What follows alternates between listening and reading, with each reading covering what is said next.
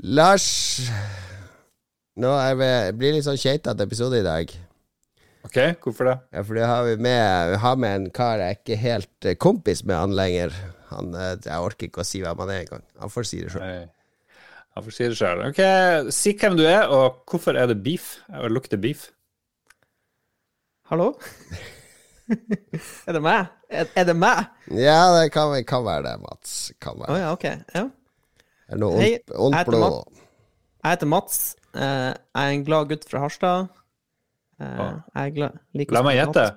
Dere har spilt på fors i, i forskjellige klaner i det der eh, New World, eller et eller annet sånt. Nei, nei, nei, nei, nei, du er inne på noe. Inne på noe.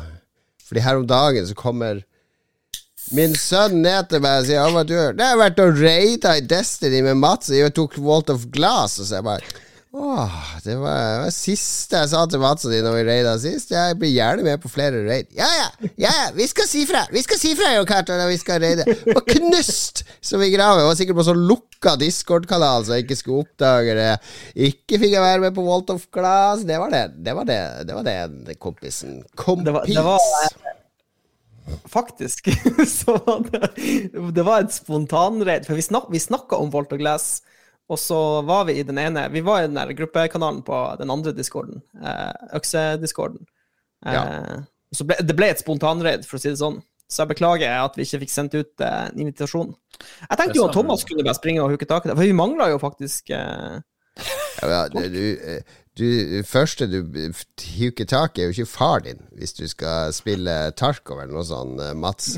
Det er jo, Hvorfor ikke? Nei, du vet jo, jeg er jo ikke, jeg er ikke den flinke Jeg skjønner jeg er ikke den flinkeste, men nå er jeg altså ikke god nok til å spille med sønnen min, ikke god nok til å spille med Mats. Så, sånn er det. Det er sånn Du er, du er eh, hjertelig lovers velkommen, eh, Jon Cato. Vi kommer til å, eh, vi kommer til å jeg, jeg, jeg tenker vi prøver å gjøre det hver uke nå, og ta et redd. Så det er bare å hive deg med. Det, er- det er jo kjempekoselig.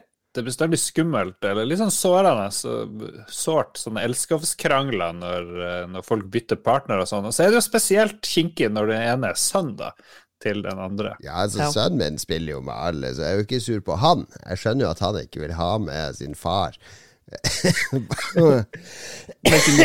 på, på raid, men eh, det var litt sårt. I, Ja. I noen sekunder så tenkte jeg å, her har jeg sittet sittet i kø på New World og sittet og kjedet meg og spilt litt Ja, Tarkov alene, mens eh, alle de andre har vært inne i Destiny og kost seg. Ja, for jeg har vært litt på andre sida. Jeg tenkte at liksom, du, du var liksom ferdig med Destiny, for jeg så du var og spilte New World, at du liksom var over Destiny-fasen. Jeg spiller mye rart, men det, det er mange som tenker sånn at jeg er ikke interessert. Orker ikke å invitere Jon Cato, for han er så opptatt. Han er så busy. Han har så mye å gjøre. Ja, ja, ja. Ja, nei, jeg er ikke det. Jeg sitter og kjeder meg like mye som alle andre. Okay. Men jeg hører at det hostes fremdeles på Ja, faen, jeg har hosta i to uker. Jeg er så lei av å hoste. Jeg får sånne hosteanfall jevnt og trutt. Har du sånn tørrhoste? Jeg har sånn skikkelig tørrhoste, og jeg har litt sånn sår i nesa, for jeg har nøsset så mye og vært så tett i nesa og blåst meg så mye i nesa, så nå har det blitt sånne åpne sår oppi nesa, som selvfølgelig oh, trigger fått, trigger eh, nye hosteanfall. Du har fått det de i Hollywood kaller for coke nose. Ja, det kan det være. Det, det, ja, det er en sent utvikla, for å si det sånn. Ja, jeg skal jo jeg skal jo dra til kjæresten, og hun driver og hoster og hoster nå i halvannen uke, så hun kommer sikkert til å fortsette en uke eller to til. Så nå gleder jeg meg veldig til å sove og være nært. Fordi det å være rundt folk som hoster, det er utrolig irriterende. Jeg bare kjenner det koker litt inni meg. Men Det er bare å si ifra i senga og sånn, og drive og hoste. Hysj! Ja. Hysj! Det- Slutt! Det er nå i det minste bedre enn Jeg vet ikke om dere har sett små unger som har hoste. Ja. Som bare liksom Det er ikke noe hender eller albue foran. Det er bare sånn åpen munn og bare hoste, hoste ut i rommet. Så du, vi må ta det vi får av det gode. Det er bedre enn det voksne som hoster. ja, men åpen munn, det har du vel voksne òg som hoster. Har du prøvd å hoste med lukka munn? Ja, men sånn eh, dek, dekke, dekke Det går ikke an! det er umulig å Prøv å hoste med lukka munn, da. Det går ikke an. Du vet hva jeg mener. Ja, jeg skjønte hva du mener. Jeg, jeg blir litt vrang med deg i dag, Mats, for jeg, må, Ja, jeg jeg, er i ferd med å begrave The blood- stridsøksa. The blood feud. The blood feud. Men det har skjedd mye den siste uka. Jeg var jo på, vært på fjellet, og da gikk jeg jo glipp av stor bursdagsfest i Lolbua, har jeg skjønt. jeg har også glipp av dette, Lars. Kan ikke du eh, fortelle oss litt? Dra oss gjennom det.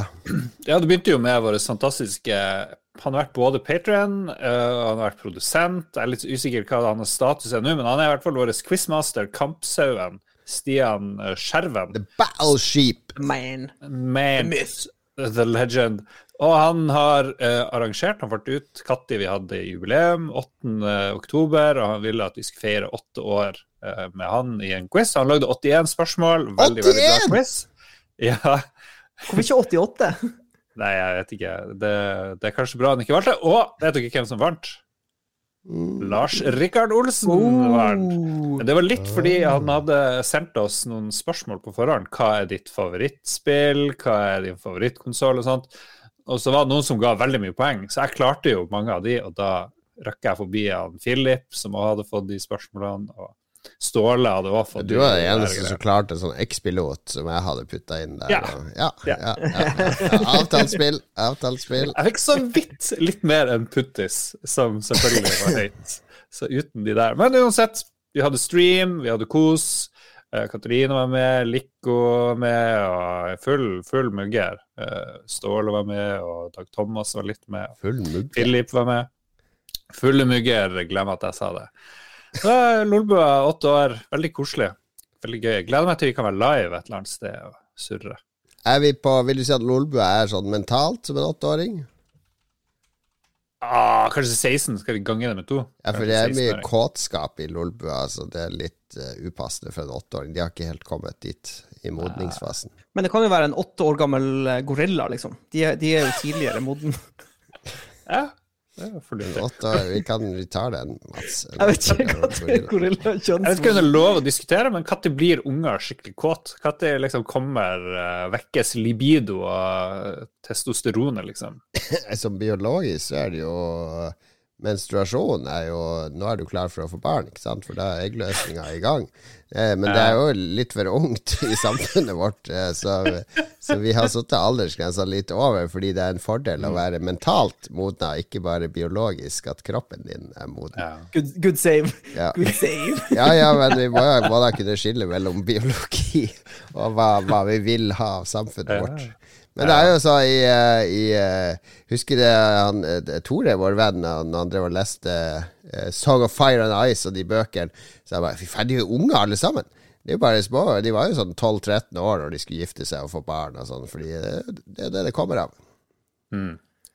ja, kanskje vi skulle bare innføre Monarkiet hadde blitt mye artigere hvis de hadde blitt gifta og blitt konger i sånn 13-årsalderen eller 12-årsalderen. og Du vil ha litt kult. sånn unge monarker. Unge diktatorer. Og... Ja. Gamle er jo kjedelige. De burde jo bare dø. Litt sånn som i um, blir det bare rot. Hva heter den der TV-serien Foundation? Der liksom har du jo en viss lev holdbarhetsdato, eh, monarken. Han må liksom han bare døde, og så kommer det en ny, ny til.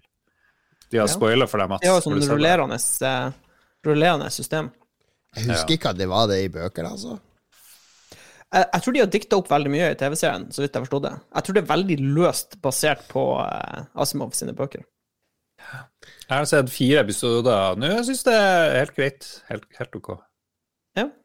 Ja. Det, det ser veldig bra ut visuelt. De har gjort en sinnssykt bra jobb, de som har gjort alt av eh, ja, grafikk og, og liksom settingen, på en måte. Jeg har ikke sett mer enn et par episoder. Jeg er nemlig Det er den nye sesongen av Paradise Hotel. Så der er han, eh, Even Kvam har sjekka inn, og det er ja, er spot on. Spot on. Uh. Jeg er opptatt med å se Ikke, lo, ikke lov å le på hytta for åttende gang. Jeg driver og tar notater. Jeg, jeg holder på å lage en sånn journal for hver deltaker. Oh. Så gøy. Åttende gang. Ja, Mm. gratulerer. Eh, jeg kan nevne i mitt liv så har jeg og, eh, i dag opplevd at store deler av Harstad mista strømmen. Og siden jeg jobber i media, så måtte jeg jo rapportere om det. Og en av de som mistet strømmen, det var jo eh, et stort kjøpesenter. Så da fikk jeg masse Ah. bilder, tips. Folk som bare surra rundt i mørket inne i kjøpesenteret, bare sånn nødlys. Så med en gang ut som apokalypsen eh, var i gang. Og folk bare hang og så ser litt sånn rart rundt seg. Så eh, jeg tipper hvis strømmen hadde vært borte i en time lenger, så hadde den første personen blitt drept. Eller Eller liksom spist. enorme riots og loots. Ja, folk hadde begynt å sette fyr på sånn tønne med en gang. Ja, så jeg tror grensen mellom sivilisasjon og ikke-sivilisasjon En av de grensene går på strøm. Hvis du Ja, mister strøm, ja, ja. da er du fucked. Ganske Når strømmen ryker, så er det, det er så mye annet som går når strømmen går. Nå er det jo, I Libanon så har de jo mista strømmen nå. Så der, er- det er jo ikke strøm i hele landet. Så folk har drevet og karra de, de har ikke råd til å ta imot uh, diesel, som du trenger for å drive i kraftverkene, maskineriet i kraftverkene. Just det. Så de har jo vært uten strøm i flere dager nå. Ja, det er vanskelig å betale for seg når det ikke er strøm, f.eks. Hva skal du gi fra deg for å få ting? Nei, det blir jo uh... Slaver? Jeg tenker colakorker, liksom. Ja. Ja. Cash Ja, det is king. Det er derfor, eh, Mats, hvor mye cash har du liggende i tilfelle apokalypsen? Alle sånne Ja, preppers Alle sånne preppers har jo liggende 20 000-30 000. Ja, så der, ja. Jeg har kontanter rett, rett ved siden av meg. Men har du sånn 20 000-30 000? Det er det de sånne Nei. seriøse preppers har låst inn i en Men jeg tenker jeg, tenker jeg har, eh, jeg har ammunisjon, og det kan jo være en slags valuta. Absolutt. Ja, I, I dataspillverdenen så er det det. Ei 9 mm-kule er to kroner. Du har spilt for mye Tarkov nå. Det er, sånn det fungerer. i Tarkov. Skal du ha euro eller rubles for den? Jeg vil ha US dollar. Ok. Jeg skal kjøpe Speacekeeper. Ja, nei, men strømmen gikk Hvorfor er Dere har jo så billig strøm der oppe i, her i Sør-Norge, så vi betaler jo Altså, den opptaket her det koster meg sikkert eh, 15 kroner å være med på. Ja, vi, så vi har nesten gratis strøm. det, er, det er veldig gratis. Nei, jeg vet ikke. Det var noen som snakka om at forsyningslinja for strøm er litt dårlig fra Nord-Norge og ut, så det er liksom Vi klarer ikke å forsyne andre med så mye strøm. Så Ja, det, men det er den ene tingen dere i Nord-Norge ikke klager på i infrastrukturen deres. Vi skal veie, det er for dårlig, vi må ha bedre fly, bedre fly, vi må ha bedre kaier, vi må ha jernbane. Men i strømforsyningen, nei, det, det er dere helt fornøyd. Ja, men vi, vi liker å ha billig strøm, det er derfor vi vil ha det sånn. Det er ikke vits å bygge noe sånn her stor linje som går nedover, for da sender de jo bare strømmen nedover, og så blir det kjempedyr Jeg må strøm. innrømme at jeg skjønner ingenting av det strømmarkedet. Jeg skjønner ikke hvorfor prisene skal gå så opp og ned og alt mulig sånn. Og jeg skjønte at i Norge så selger vi en masse strøm til utlandet når det, når det er stor etterspørsel, og så sitter vi igjen uten noe strøm sjøl. Og, så blir det- og, så- Ja. og det er strømregninga, hva er det for noe? Med sånn nettavgift og nettleie og ditt og datten. Jo faen meg bare laga for å forvirre folk mest mulig. Det er, jo, det er jo det som er tilfellet for oss. På strømregninga mi så er jo 90% av strømregninga mi er jo nettleie. Selve strømmen Ja, jeg fatter ikke hva det er for noe. Bare slutt å forvirre meg med det. Én kilowattime, eh, øre. Ok, bare, bare si det. Jeg trenger ikke å vite noe annet. Bare si hvor mye én kilowattime kommer. Det er eneste, eneste uh, verdien jeg vil forholde meg til. Jeg vil ikke Ja, ha men det, en er som, det er sånn scam som i USA med telefon... ja, Det er jo en fucking skam scam. Ja, Og når det fordi, regner to dager i Finnmark, så da går nettleia ned med 5 Hvis du ser på denne tabellen her, og så må du kaste en terning der, Fordi da blir det plutselig pluss 20% i nettleie fordi eh, en tråler gikk på grunn. Og, eh, det, det, faen ikke, det henger ikke sammen kan- med noe som helst. jeg kan veldig lite, men jeg vet at nettleia er jo det som er den infrastrukturen. Det er kablene, strømkablene, og det er det bare ett Ja, Hvorfor selskap betaler vi ikke nettleie for internettet vårt, da? Hvorfor er- betaler vi ikke nettleie for kloakken? Hvorfor betaler vi ikke rørleie for kloakk og vann og avløp? Kommunale avgifter, det går blant Jo, men det er annet jo- til det. Jo, men det er jo for vannet og sånn du faktisk får levert til huset ditt. Det er jo ikke Jeg, jeg leier jo ikke at jeg skal kunne sende vannet gjennom et rør. Det er faen helt absurd. Kommunale avgifter, og det skal gå til vedlikehold og forsyning. Det er ikke kommunale avgifter, det er strøm. Ja, ja, men alt må jo betales for. Ja, alt må betales for. Jeg betaler gjerne for strømmen, men ikke putt Ikke krypter det til en sånn obskur Men okay, det, puzzle. det, jeg lurer, det jeg lurer på, er Får strømselskapene noen som helst form for støtte for vedlikehold av strømlinjer og sånn, eller må de ta alt av egen lomme? For hvis, hvis det er tilfellet, så kan jeg forstå at de eh, må ta litt ekstra betalt eh, for det. Men ja, jeg vet ikke. Kina Strøm er jo en samfunnskritisk infrastruktur. Det er jo staten Ja. som, eh, som Det er involvert her. Så Ja. jeg nekter å tro at noen sånne private klovner som Idar Vollvik og Spetalen liksom. Nei, vi, vi tar ansvar! Vi tar ansvar! Vi skal, vi skal gi alle strøm! Bare stol på oss! Nei, nei, nei, nei, nei, det går ikke. De fly, flyr rundt i sånn helikopter og sjekker at, eh, at linjen ser bra ut, og rydder. Og... Idar Vollvik Strøm AS, det, det hadde du, der hadde jeg kjøpt strøm fra. Ja. Vi må få en uh, solid gjest til å forklare, jeg mener lytter til å forklare. Jeg trenger en trenger ikke å forklare. Jeg trenger bare Jeg vil vite hvor mye skal jeg betale per kilowattime. Og jeg vil gjerne Jeg kan betale den prisen i ti år framover. Bare ikke drive og, og kødd. Bare ikke drive og kødd med meg. Og så når du går på Elkjøp og sånn, så står det sånn Fjordkraft og masse andre. Ja, du får 400 kroner rabatt hvis du binder deg til, til Og det er jo verdens dyreste strøm. og Du må aldri finne på å kjøpe deg Fjordkraft-dritt. Ok, jeg har, har en, jeg har en jævlig god uh, forretningsidé, folkens. Men det involverer at vi uh, kommer i kontakt med SpaceX. Men- Ja, ja. Ok, vi bygger, vi bygger en gigantisk dynamo i verdensrommet som går rundt jorda. Og så lager vi et sånt system hvor du kan skyte strømmen ned til sånne stasjoner fra verdensrommet. Så lager du strømmen i verdensrommet, og så skyter du den ned på overflata. Da blir det ikke Gratis, nettleie. gratis romstrøm. Sånn som en stor energikilde som kontinuerlig bombarderer jorda med Ja. stråling. Ja, Ja, det har vært noe. som sola. For eksempel. Vi trenger en ny sol. Ja, mer, litt mer effektiv sol. Litt kulere sol. Sola er litt kjedelig. All right. Mats, eh, apropos energi og sånn. I morgen får vi vel eh, Jeg spådd vi får Jan Bøhler som olje- og energiminister. Han blir din eh, øverste sjef da ute i oljebransjen. Jeg hører du har vært på jobb i det siste. Pump, Ja, på- Pumpa! Ut og pumpe! Jeg har vært på første tur eh, siden eh, ulykka i sommer, faktisk. Jeg var jo sykemeldt en periode, så nå har jeg vært ute på jobb og truffet kollegaer som jeg ikke har sett siden eh, juli. Ja, så det var veldig ålreit. Det var deilig å komme tilbake igjen til litt sånn kjente, kjente rammer. Så mm. det var ikke så mye mer enn det, egentlig. Nei. Ja. Det, var det mye orgier denne gangen òg, eller skjer det noe spesielt? Det var min minimalt med orgier. Jeg syns det er litt dårlig, rett og slett.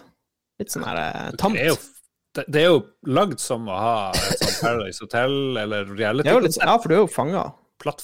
Sesong én. Det er jo eh, Altså, det er jo ikke Det er jo ikke sånn at det er bare menn ute på disse plattformene. Det er vel begge kjønn, og kanskje flere Flere sjangre, holdt jeg på å si. Flere Hva det betyr? flere eh, eh, genders, preferanser. Er det lov å ha sex på oljeplattform når du har fri? Ja, så hvis du, hvis du gjør det på lugaren etter når du ikke er på vakt, så, Ja. så er det ikke noe er for det. greit, det? Ja. Det Jeg kan ikke si at det skal være noe problem. hvis det skulle bli søt musikk, sånn eh, du møter noen der så det er ikke, som, kan- en, det en som er ny på plattformen, blir søt musikk, får man kondomer der ute da, eller blir det usikker sex? Nei. Uh, Så du må ha med deg i tilfelle, da. Jeg mistenker, at hvis det, hvis det oppstår romanse, uh, Ja. så kommer sannsynligvis uh, Så blir det sannsynligvis endringer i skiftet, i skiftet på en måte, at, du, at dere ender opp med å jobbe på uh, forskjellige skift. For jeg tror ikke de har lyst på For det kan, det kan gå litt på sikkerheten, ikke sant? At du blir distrahert og Ja, ja. Vet du hva, uh, finansidé, Mats. Du har jo snakka om å lage en app. Ja. Tinder olje-edition. Kun lagd for uh, å finne the horniest Men, guys eh, and det, gals. det, det finnes strengt tatt. Det er jo bare å skru på Tinder på telefonen din på jobb, liksom. ja, ja, funker Tinder på plattform? Ja, det er jo en trådløst nett der, så det spørs jo. Men jeg er litt usikker på Det er mulig at du blir At Tinder tror du er på fastlandet, at du er på Tvanger, liksom, eller noe sånt. Det er jeg ikke sikker på. ja. Kjempeinteressant. Det kan, ikke du finne ut det neste gang du er ute på plattform? Ta ut. Send oss en live rapport. Med, ta, få låne et sånt kamera, ta opp på video. Nå sjekker vi Tinder, skal vi se om vi er på fastland eller ikke. Yes, det var fastland! Og Å kan ja, oh, jeg, glemte, jeg glemte av en ting til, faktisk, Ja. som har skjedd siden sist. Og Mr. iPhone! Rindal Johansen! Jeg joina the dark side. What? Ja, Mats viste akkurat frem en iPhone med ikke mindre enn tre kameraer på ryggen. En X12, 13, hva er det for noe? 13 Pro. 13 Pro. 13 Oh my god. Jeg har, jeg har eh, jeg har trengt en ny telefon, og så har jeg researcha en del. Sett altfor mange YouTube-videoer med sånne tech-personligheter som mener mye.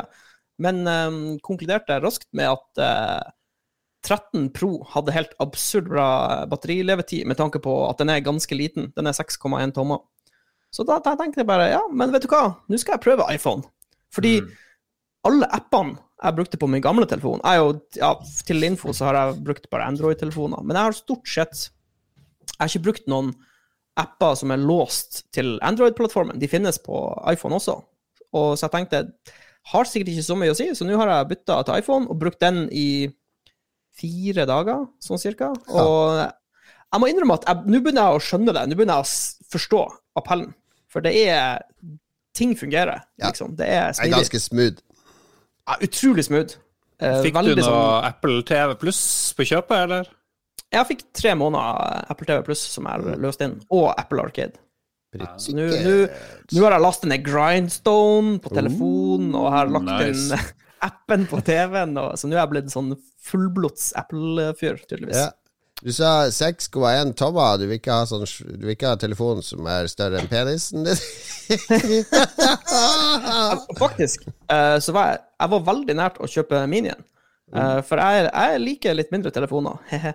Eh, og eh, det, det store problemet med Mini 12 var at den hadde litt dårlig batteri, men det hadde de fiksa nå med, med 13 Mini. Så jeg var, det, var, det var sånn 50-50. Ja, ja, Men ja. jeg landa på, jeg på stort batteri. Men sånn helt seriøst, iPhone er, det er bra. Det er bra greier. Det kameraet er jo helt sinnssykt, da. Så det, Ja.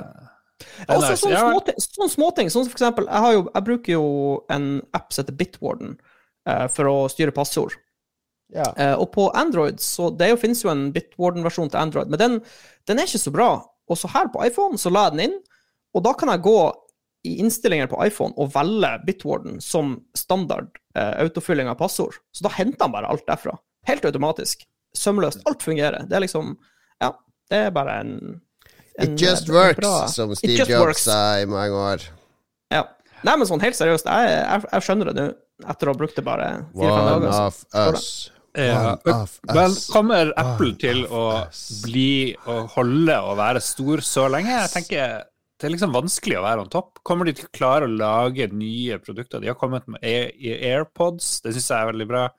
Men liksom, hva annet er det de har lagd som liksom er Det er ikke noe mer iPad nå, det er ikke noe mer iPhone. Pippin. Spillkonsollen Pippin Pippin. kom på Ja, Pippin. 90-tallet. Ja, ok. Ja. Jeg tenker at de kommer til å lage en sånn jetpack eller noe sånt crazy shit om to år. det er min prognose. Dere hørte det her først. Ja, jeg, jeg vet ikke. Jeg, jeg kjenner jeg bryr meg så jævlig lite om hvordan det går med Apple og Google og Facebook og sånn. Så Jeg så håper lenge alle sammen uh, går ad undas innen ti år, og så kommer det nye og erstatter de. Sånn, det er livets syklus. Ja. Veldig godt innspill. Sånn sett så er jo sikkert eh, Jeg vil jo tro at når Mats kjøper iPhone, så blir det sannsynligvis siste iPhone som noensinne er laga. Ja, ja, ja. Da er det dommedag. Et dårlig tegn. Um, apropos tech, eh, jeg hørte rykter om at du har kjøpt deg en ny spillkonsoll, eh, Jon Cato. Ja da, ja da. Jeg ble frista av den gamle switchen min eh, som jeg fikk på dag én fra Bergsala i sin tid. Den begynner jo å bli ganske gammel. Eh, den, uh, den, den lager litt sånn lyd når du bruker den, og det er, sånn er, det er noe som vibrerer inni når den leser fra drivverket eller harddisker eller sånn. Det er sånn skurrelyd. Som er litt Ja. irriterende, så jeg merker at den begynner å synge på siste vers, og ungene har jo brukt den uh, overalt. Så den skjermen Jeg bruker den jo aldri håndholdt, fordi det, den skjermen er litt skrapa og ditten og datten. Så eh, den funker bra som stasjonær, men så har jeg lyst på noe sånn håndholdt òg, da. Eh, som kan bruke med litt bedre skjerm. Altså, eh, jeg hadde ikke tenkt å kjøpe den Switch OLED-versjonen som kom nå forrige uke. Men så begynte jeg selvfølgelig å gjøre den store feilen å lese litt på forum, på Rollmuck og andre steder der folk drev og hypa seg opp til den, og så bare Folk begynte å, å, å ralle så jævla om den skjermen. Hvor sinnssykt fin den skjermen er, den OLED-skjermen. Utrolig skarpe farger. Du kan ikke sammenligne det med den vanlige Switchen. Den er bitte litt større enn den vanlige Switchen. Og så bare Ja, shit. Shit au. Så jeg, jeg sjekka Elkjøp på Alna, reserverte en, og så kjørte ut og plukka opp en. Og herregud, så bra den skjermen er! Hvis, hvis du liker å spille Switch håndholdt, som, eh, som jeg ikke har gjort så mye med den gamle, fordi jeg, jeg syns den skjermen ikke er så bra, men den her er virkelig Det er sånn superskarp. OLED-lys. Altså, det ser ut som en helt ny konsoll, rett og slett. Det er ikke noe bedre hardware sånn sett, men skjermen er større, og så er den av glass, så hele dingsen blir litt tyngre, og holdet føles litt mer sånn solid. Uh, altså, jeg har spilt masse Jeg har spilt masse Metroid Dread eh, i håndholdt-versjonen, og, og det det, fu- det, det føles som en ny konsoll. Ja, det er den samme gamle. Det er ikke, veldig, det er ikke mye mer kraft i den, men Eh, det, ser, ser, det ser virkelig bra ut.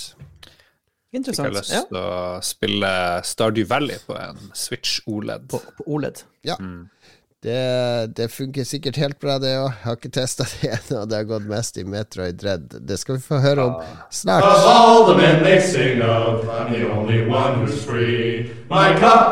no poison, no assassin waits for me. I'm not one to remember, but I'm also not to blame. And in all the tales that joymen tell, you'll never hear my name. Yes, vi er i vertshuset Den glade kukk, rett og slett. Eh, ja, du vet alle sånne vertshus og kroer i England, de heter noe med kokk. Den Ja. glade kukk. eh, der sitter vi og drikker øl, og av og til så kommer det inn en sånn der trypp trupp eh, som synger litt glade sanger. Altså, denne var jo da Ja, første sang fra denne truppen. Vi skal høre mer fra de utover i sendinga. Gode gamle truppen. Jeg har forresten Jeg fant en eh, sånn her eh, øl liggende her oh, ja. ved siden av fra åtteårsfeiringa, så jeg bare heiv meg på den. Litt sånn romtemperert. Oi. Er det ikke øl, det er faktisk en Craft Seltzer. Så jeg vet ikke. Nice. Eh, mango og passion fruit. Så vet folk det, hva jeg nyter akkurat nå. Veldig bra. Før, før vi, vi går til spilt siden sist, jeg forbereder en liten eh, 1981-quiz til dere to. Skal vi se, jeg skal mest om året 1981. I året jeg er født. Ja, det året du var født. Det er til ære for deg, Mats. Er du klar? Jeg er Hvem, sykt klar. hvem vant eh, Melodi Grand Prix med sangen 'Make Your Mind Up'?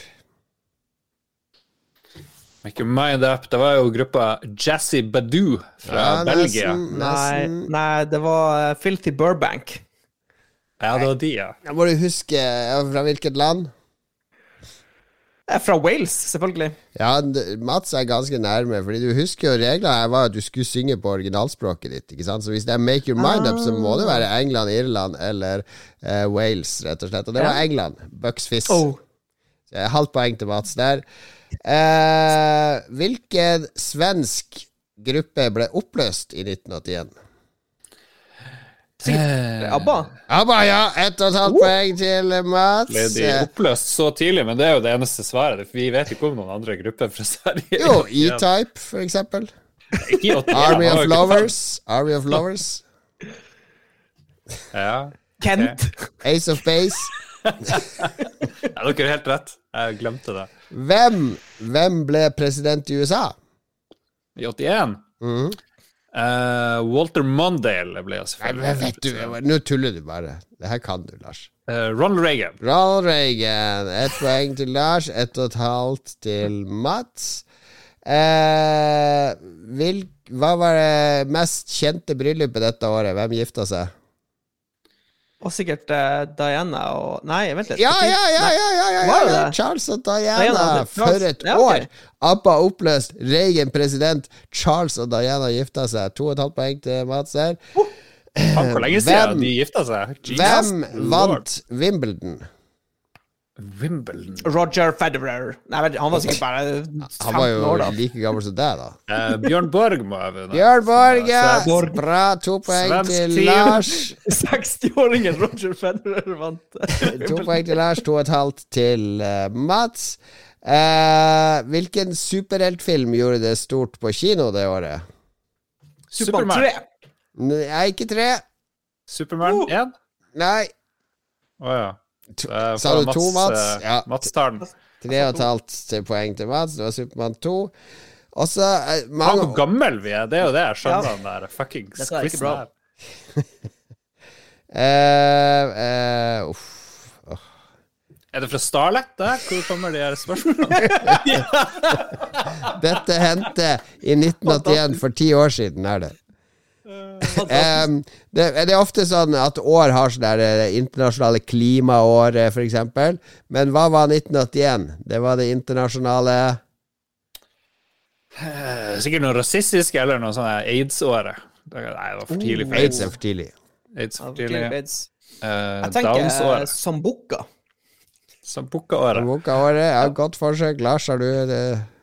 Uh, det er eh, rasismeåret. Nei, det var handikap-året, faktisk. Faen, handikap! Jeg sa jo nesten Ja, men det var Husk at handikap Altså, de, de som er uføre eller bevegelseshemma og sånt, de har jo kjempa lenge om å få, få tilgang til bygg og rampe og fortau og alt mulig tilpassa. Så det har vært en lang kamp, så det var tydeligvis fokus det året. Ja. Hva ble den store moten i 1981? Å, sånne, her, eh, sånne, sånne hiphop-bukser. Sånne, lø, sånne skikkelig store hiphop-bukser. Ja, Nick. Nikkers var en mote, men det som oh. Starlet er ute etter, er noe som Lars er opptatt av å drive med på fritida. Uh, det er uh, stalking. Bodybuilding. Bodybuilding. Bodybuilding. ja, nesten. Nesten. Hjelper å være bodybuilder. Hvem ble seriemester i fotball i Norge? Vålerenga. Riktig. Oh, Eh, en president ble myrda. Presidenten i hvilket land ble myrda i 81? Venezuela. Nei. Shit. Det må være nært. Det må være noe sånt. Er det i Sør-Afrika? Sør-Amerika, mener jeg. Ja, det er i Afrika. Det er i Afrika. What the fuck? Å, det var ikke han eh, Åh, hva heter han der eh, Begynner på E. Altså det er masse sånne trekantige bygg i det landet. Og en sånn der Ja. stor statue som spør deg gåte. Egypts president Egypt. eh, Anwar Sadat. Ah, Og siste shit. spørsmål. Hva gikk på grunn i Stockholms skjærgård i 1981? En russisk ubåt. Ja, en uh, sovjetisk ubåt gikk på grunn i Stockholms skjærgård. Mats, du kunne faktisk mest om ditt fødeår. Skulle bare mangle, det er ditt fødeår. Ja, det, jeg, jeg fikk med meg år. alt som skjedde i 81. Ja. Et viktig år, rett og Oh, slett. farmer girl has a crooked smile and patches and stains on her blouse. And a braid that hangs all the way to her arse, and she lives in a tumble down house. But the farmer girl has a smile in her eye as she waits for me in the cart. And of all the women I've known and loved, she's the one who stole my heart. Ja, den farmer-girlen der, altså. Ja, ja. Du, jeg er ganske sikker på at han Lars er med i den trubadurtroppen der. At han var på Hva da, sa de? Ha. Med i trubadurtroppen der. Jeg Ja, hører han Lars jeg hører han. det, er et, det er et eh, gammelt PC-spill fra 97 vi hører musikk fra, fra Betrayal Betrayal in Antara eh, fra Sierra. Og der okay. er det tydeligvis et vertshus, for jeg fant en haug med låter som blir sunget i det vertshuset, og jeg hører på det opptaket Det er jo bare spillutviklerne som står så rundt en sånn dårlig ja, ja. mikrofon. Samla, samla seg i et Eh, lite rom. Ja, eh, fredagskveld. Tatt noen øl etter jobb. Kom igjen, nå, nå lager vi de her uh, vertshussangene, karer. Hmm. Men ja, det er det vertshuset vi er på i Lolbua i dag. Og vi har spilt spill. Og Lars, eh, når du har runda et spill, så skal du spille noe nytt. Ja, nei, det skjedde ikke med Hades, fordi historien går jo videre. Ja. Og det er masse, masse ting. Jeg føler at eh, du er jo en ung gutt. Du er ungen til Hades, til han som er leder for helvete. Og han vil ikke at du skal rømme, men du gjør det, og så finner du ut at mor di er i live utenfor eh, helvete. Hun er i menneskeverden, men det er liksom det er sånn permafrost, og så hva er det som skjer? Og så sier eh, Så prøver alle i helvete at du ikke skal unnslippe, fordi da kommer noe grusomt til å skje. Så jeg bare lurer på hva er det grusomme kommer til å skje, og hvor mange ganger må jeg runde spillet for at det skal, skal Dukke opp. Ja, det skal dukke opp. Eh, har dere liksom Hvor langt kom Nei, dere? Nei, jeg har ikke gått så langt. Jeg, jeg har liksom utsatt det litt. Gang på gang. Men jeg skjønner jo nå at jeg må hive meg rundt. Ja. Kan Når, ikke du bli klarer det forbigått av først, Lars. når du klarer det første gangen, så kan du hive på sånne modifiere på hvert run, så du kan gjøre det sykt vanskelig. Det kalles heat. Så én Ja. heat er én modifikasjon, og så kan du liksom heat 50 og 30 og liksom helt vilt. Fiendene gjør mer skade, traps gjør mer skade. Ja, det heat is on. It's on the street. Så nå har jeg begynt med det heat-greiene og har Glenn det et par ganger med heat, og, og driver og gir gaver til de her NPC-ene, må liksom grinde for å få gaver. Så jeg er liksom dypt inn i Hades, og det trodde jeg ikke jeg skulle. Ja, Lytterne elsker å høre om det hver uke. Jeg beklager. That's my Jeg må, jeg må også beklage litt, for jeg har ikke, jeg har ikke fått spilt så mye nytt. Uh, for jeg har vært på jobb, og så har jeg vært hjemme litt. Men eh, ja, Ja. har- jeg har spilt eh, Destiny, og så har jeg Har du spilt Destiny? Cato Du driver og fornærmer Jon Cato. stort sett. Vi, vi, vi fyrte opp eh, litt sånn spontant. Da var jeg faktisk på jobb den ene den gangen der. Men det var, vi spilte gjennom Volt og Glass, det originale Destiny 1-raidet som de har reintrodusert i Destiny 2. Og det er fy fader, altså. Det holder seg superbra. Fortsatt eh, De har, de har tweaka litt på det. De har gjort, eh, de har gjort eh, enkelte av de her bossfightene litt mer sånn tilfeldig. Jeg vet ikke om dere husker den her nest siste bossen før siste bossen, så kunne du på en måte Nei, det var kanskje på siste bossen, hvor, du, eh, hvor tre personer blir teleportert. Ja, ja. Eh, og så må, eh, må du eh, calle ut hvor, hvor de skal skyte de oraklene. Og da kunne du manipulere det med at det var de tre bakerste som ble teleportert. Så du kunne liksom styre ja. hvem som ble Men det, det har de slutta med. Nå er det tre helt tilfeldige og sånne, ja, sånne ting som har blitt justert. Men det er fortsatt, fortsatt de samme fightene og de samme bossene. og Ganske, ganske uendra, egentlig. Gå, gå, gå snike rundt i det Gorgon-levelet. Ja, ja, Det er like artig fremdeles. Ja, det er vi, vi juksa litt. Vi hadde jo med sønnen til han, Jon Cato, han Thomas, som Ah. skjerpa. Han gjorde jo bare alt der for oss. Vi for bare og fulgte etter han. Det var liksom, Vi, vi holdt hverandre i hendene og fulgte etter eh, Ja, lederen. sånn, sånn var det for fem år siden da vi spilte Destiny. Ja, ja, ja. Ja, sånn, da. Og så er det jo, Mytoklast? ja, det var det jo selvfølgelig. En person, første gangen han dreper Ethion, og så får han uh, Mytoklast. Det, det er alltid én som er sykt heldig. Og den er jo, den er jo superbra i uh, PVP og alt nå, så den er veldig sånn Jeg husker jeg, jeg klarte jo å få den i Destiny 1 til slutt. Men det var et våpen jeg aldri fikk i Destiny 1, det var Fatebringer. Den der legendary pistolen. uh, handcannon. Ja, jeg hadde den aldri. bra. Hadde den aldri. Fikk den Ah, aldri. Var ikke den veldig bra? Jo, den Jo, den er kjempebra. knallbra. Og den er fortsatt bra. Mm. Still, still gær. Nei, jeg, jeg syns bare det Jeg må innrømme, jeg, jeg liker meg Jeg koser meg i Destiny 2. Ja, og så Det holdt jeg jo på å glemme av. Eh, jeg prøvde å spille litt Trials of Osiris. Ja. Det er tre, tre versus tre-modusen, der Ja, du du klatrer liksom- opp en sånn stige. Du skal prøve å vinne syv kamper på rad uten å tape. Rune Fjell Olsen klarte en flawless, her i går eller i dag. Ja. Det skal sies at jeg har ikke spilt eh, så mye Destiny 2 PVP på en god stund. Å, fy fader, hvor jeg ble smadra. Det, det var eh, Ja, jeg ble jekka ned 15 hakk i løpet av de, to timene der. Det var brutale greier.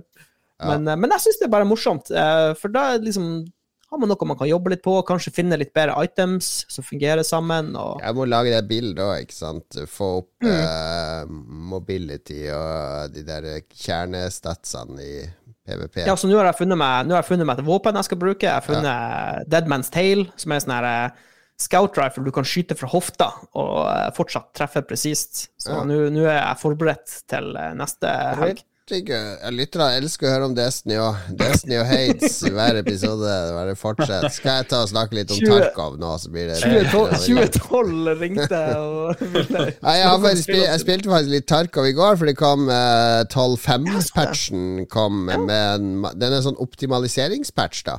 Ja, og så har- Quality of Life-greier. Ja, masse eh, Nå når du putter eh, penger inn i en sånn moneybox, så stekker den automatisk. Så du slipper at du sitter og sorterer rublene og euroene Ja, og så kan du dra ammoen rett inn i SKS-en i hideouten. Ja, ja, ja. Du kan, det er en masse små quality of life-greier. Og så er det mye raskere loading. Det merker du òg. Raskere load Ja. inn og ut av raids. Og eh, ja, sånne små generelle fikser. Altså, jeg merker jo det er jo Jeg syns jo det er Av alle skytespill så syns jeg jo det er Tarkov som gir meg mest adrenalin fortsatt.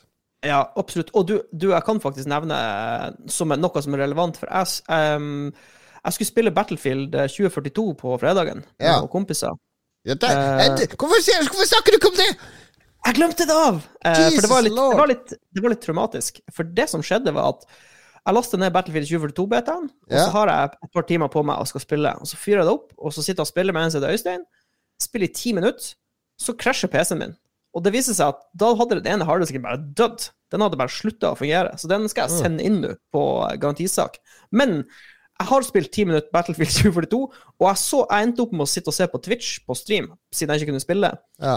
Eh, og det ser ikke bra ut. Altså, det, det tror jeg blir å floppe big time. Det, De sier jo at det er sånn seks måneder gammel bild de spiller nå, men jeg skjønner ikke hvorfor de skal ha beta av en gammel bild. En Ja. beta er jo for, for å teste Det- spillet i sin nåværende stand før Det- release. Jeg, jeg tror det er unnskyldning.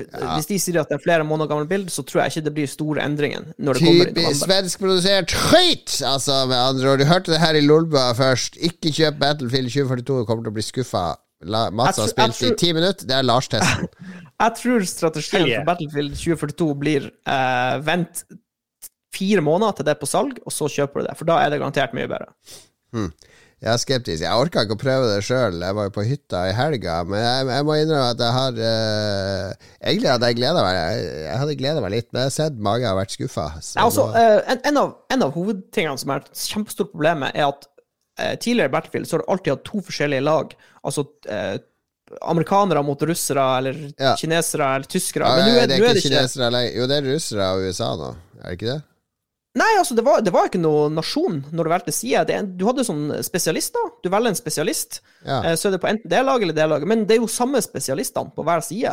Så du endte jo opp med at du hadde liksom fire eh, av én fyr så kriger mot fire av en annen fyr, og så er det bare alle Det ser ut som masse kloner som Det er slåss. Politisk Så- budskap, vi er alle like. Vi er, Ja, ikke, vi er, ikke, vi er ikke faksjoner.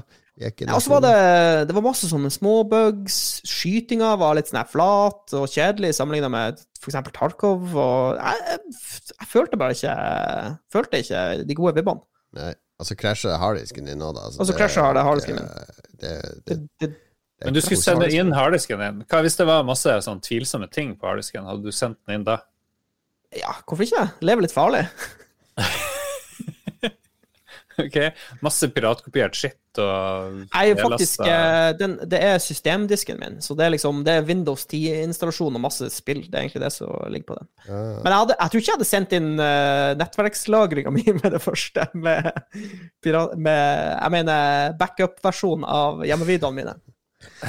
Ja. Ok, ro ned nå før vi får uh, advokatene som gikk etter DVD-Jon. Vi skal ikke ha de gå etter uh, backup. Jeg gjør Det er alle filmene mine lovlig. Jeg vil ha DVD-Jon med et eller annet.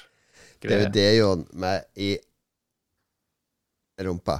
Uh, jeg har også spilt New World, det snakka vi om sist. Uh, ikke- jeg føler er mange spiller det nå. Vi er Ståle og flere i Lolbua som spiller det. Vi har ikke klart å samles så godt på en server ennå, men vi har, vi har noen Harstad-folk på én server, og noen Lolbua-folk på én server. Og Men det kommer det til å bli et servere. eh, Kommer det til å bli noe sånn merge-greier? Ja, det blir sånn transfer-greier etter hvert. Men da må man jo være i samme faksjon, og det er eh, mye, mye rart i det Det er sånn klassisk MMO-kabal-greier. Ja. Nå, nå er vi i hvert fall fire-fem nordlendinger på en server, så det, det får holde inntil videre. Men eh, det er jo gøy. Det er jo gøy Det er jo gøy å levele opp alt mulig, men jeg orker ikke å snakke så mye mer om det. Jeg vil heller snakke om Metroid Dread. Det er jo helt nytt. Ja. Kom på Switch. Nytt 2D Metroid-spill som kan spilles på stor skjerm. Er lenge siden sist. Det har vært ute en del til DS, eh, der Metroid har dominert de siste årene. Men nå har de laga et mer storslagent et. Og det er super classic Metroid på alle vis, med et tonn med oppgraderinger. Det har vært litt sånn Vanligvis er det en sånn håndfull oppgradering, ikke sant? Men her er det ganske mange. Det er sånn der Yes, da har du fått det Skytestrålen din gjør nå at det eksploderer litt lenger inn i veggen. sånn at da kan du sprenge de veggene der det var en sånn rød prikk litt inni veggen. Uh, ja, de har vært kreative med å få inn ganske mange sånne upgrades, så du fører hele tida litt og litt og litt og litt progresjon. Jeg vet ikke om det Jeg tipper det ikke føles like nyskapende som f.eks. Axiom Verge 2, hvor du driver og har parallelle verdener, og du kan bli en robot som hopper. Og har det, har sånn har det Amiga-grafikk? Jeg har da Amiga-grafikk. Det har, Det er jeg eh, det har grapple hook, faktisk. Oi, der ser jeg. Er ikke. Amiga-grafikk, men det har sinnssykt kule kontrollere, og så er det et sinnssykt kult konsept med Det er syv sånne drapsroboter som er spredd rundt på den planeten, og alle de er inne i et sånn stort område. Og når du kommer inn i et område der det er en av de syv drapsrobotene, så blir alt sånn grått, og det blir sånn superintens stemning, fordi den roboten går rundt og leter etter deg og har en sånn skanner foran øyet. Så du må prøve å unngå den, for hvis den ser deg, så løper den etter deg og dreper deg, og han one-shotter det. ja. Eh, så du må, må stelte deg og snike deg gjennom de levelene og prøve å unngå å, å, å bli eh, funnet av den roboten. Tar han deg igjen, så går du inn i en sånn quicktime event-scene der han holder deg fast, og så har du sånn her eh, Fem millisekunds sjanse til å treffe først med en sånn dodge. Nei, bomma, og så får du én sjanse til. Bomma, da er du død. Uh, så jeg, jeg klarer det der én av 20 ganger. Klarer å escape den roboten. Så det er litt sånn horroraktig, på en måte. Ja, veldig, veldig. Men, men det er superintenst, og så må du utforske det området han er i òg samtidig. Prøve å finne utganger. Og så finner du en dør ut, og da Her kommer ikke roboten, så da skifter jo fargepaletten og musikken og alt. Så bare «Huh, Her kan jeg puste, ikke sant. Eh, utforske litt. Og så må du finne Må oppgradere blazeren din til sånn o Omega Blast.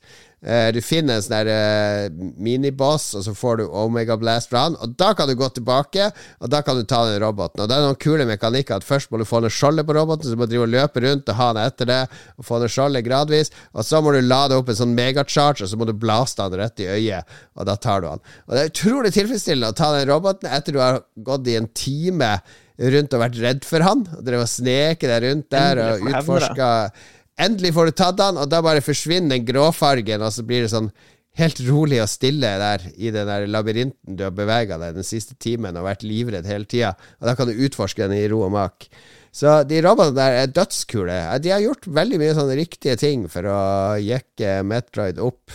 Og så, hvis jeg skal være litt sånn Litt sånn uh, Aksel Kielland eller uh, Morgenblad-kritiker, så, så vil jeg jo si at for meg så er jo Returnal Det er, det er den ekte arvtakeren til Metroid. Det er det Metroid skulle utvikla seg til å blitt. Uh, hadde disse random-nivåene, det progresjonssystemet som, som Returnal har, det rogue-aktige greiene. Fordi i, i mitt hode Jeg elsker Metroid Dread, men i mitt hode så er Returnal Det er den åndelige fortsettelsen på hva Metroid-serien uh, sto for. Metroid Dread det er mer Metroid eh, på Metroid sine premisser, mens Returnal det er, det er next level Metroid. Jeg vil kanskje si at, Met at Returnal er Metroid tolka gjennom 2021-brillene som er forma av Dark Souls og eh, Rogue-sjangeren og alt det der der.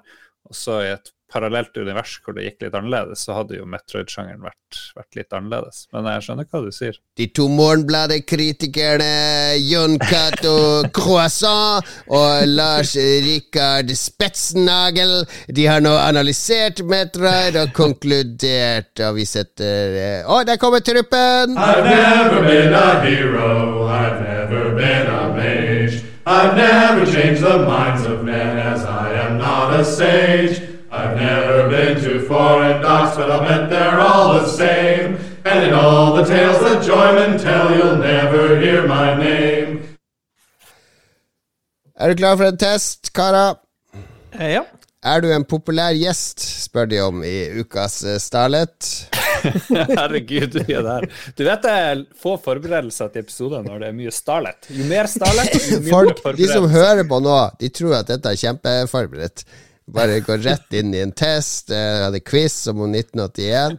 Eh, så nå ødela du egentlig alt, Lars. Jeg ødela alt. Kan vi slette det? Ok, jeg skal sjekke om dere er en populær gjest, gutta.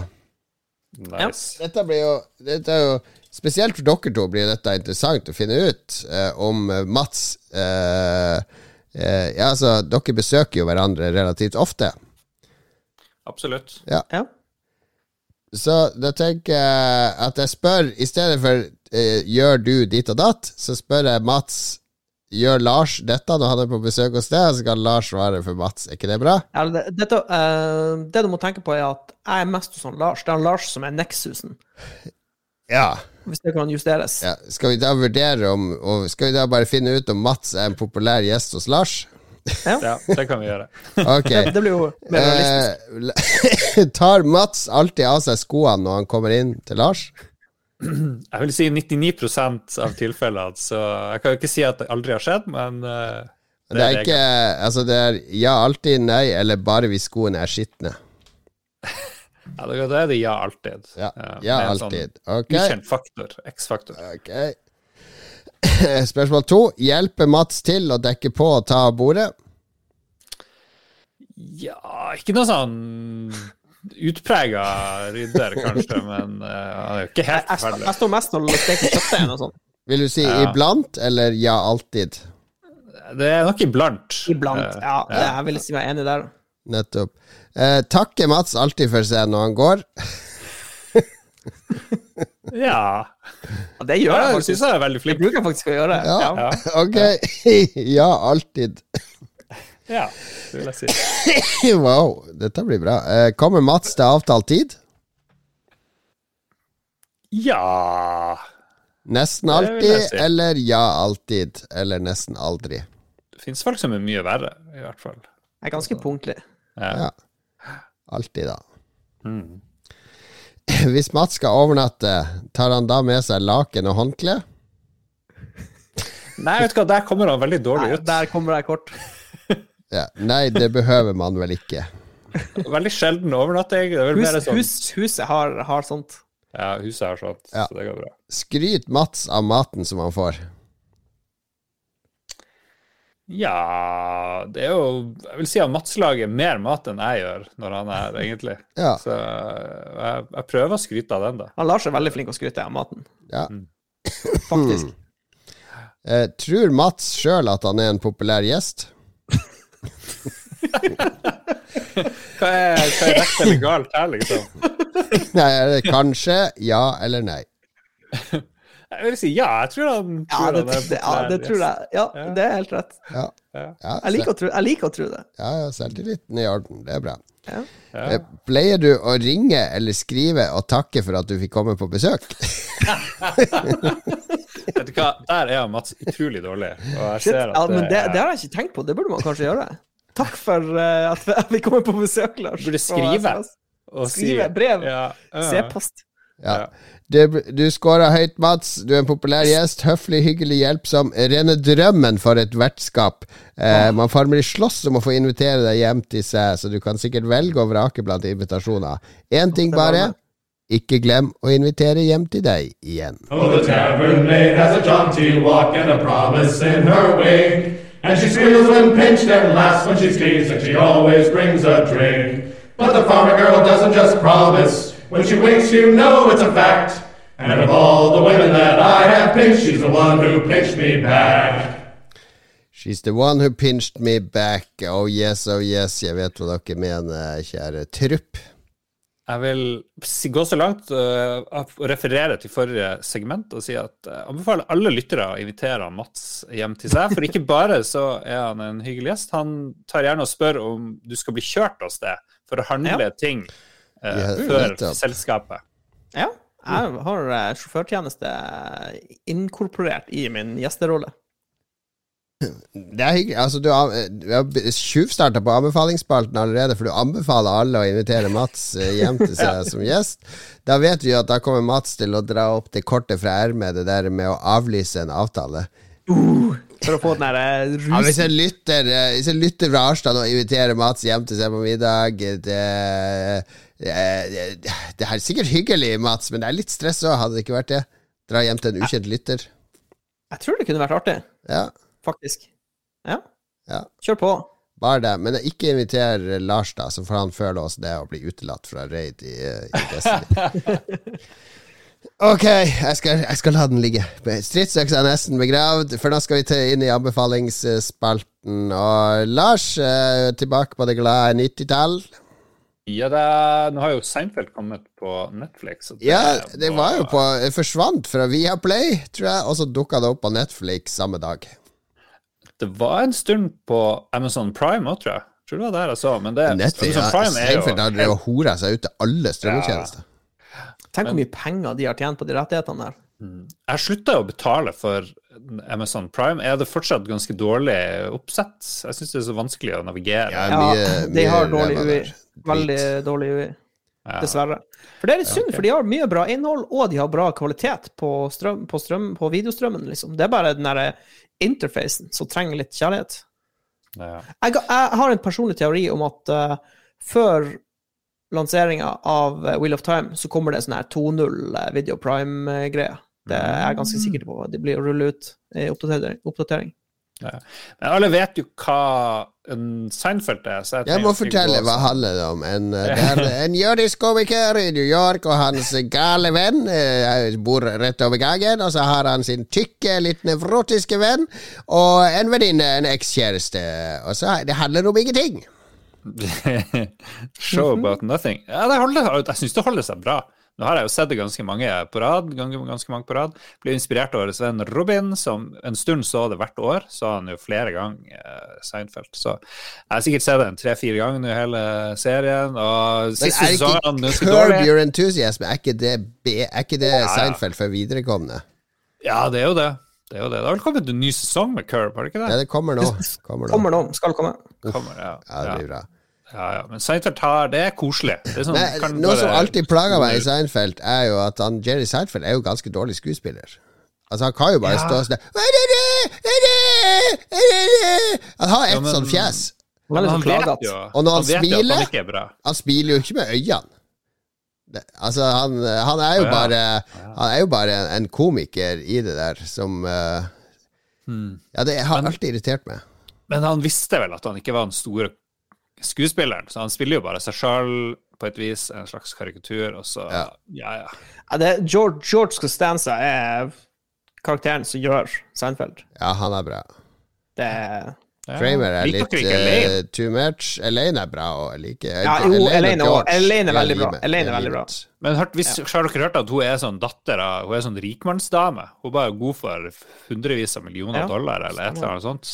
eh, Fra før, før hun liksom ble ja, det spiller nå ingen rolle. Skal du holde Jo, det det mot spiller jo. Det ligger bak hodet mitt. Bare liksom, faen, her driver og spiller en vanlig, vanlig menneske, og så er hun bare sånn kakse, kaksechick. Har du sett Veep med Elaine? Det er bra. Det er, det er en Ja. fin serie. Altså, den liker jeg godt. Ja, jo det er bra. Julia ja, nei, Louis Dreyfus. Dreyfus. Dreyfus. Dreyfus. Jeg vet ikke hvor rik hun er, men ja, uansett. Men det, det er egentlig Lars, ja. eh, her må, altså, du ønsker med andre ord at eh, alle skuespillere som spiller en karakter, må ligne litt på karakteren Ja. de skal spille.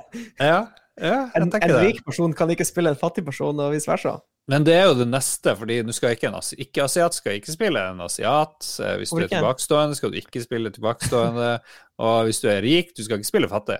Det, Ja, da tar du jobben fra de fattige skuespillerne. Ja, men det er litt sant det du sier. Men de vil jo gjerne at heterofile ikke skal spille homofile. Nå er jo stemma, i hvert fall hvis man skal høre, lytte på sosiale medier, så er det jo folk som, som mener at eh, ja, de bør, repres det bør representasjon fra de, de, de de faktisk skal representere.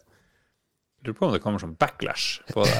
Skikkelig feite folk skal spille tynne, og det blir bare Det blir liksom Nei, men jeg tror altså, akkurat det der er mange som Eller det er flere som hisser seg opp over det. Det mener jeg er helt unødvendig, for jeg mener at det det blir sånn overvekt i én vei. Nå snakker jeg ikke om feite, men det blir sånn eh, Du må eh, pushe på og få litt sånn overkompensering, og så balanserer det seg ut. Så det, det er bare fint, syns jeg. Det, det er sånn det er når det har vært ubalansert en stund.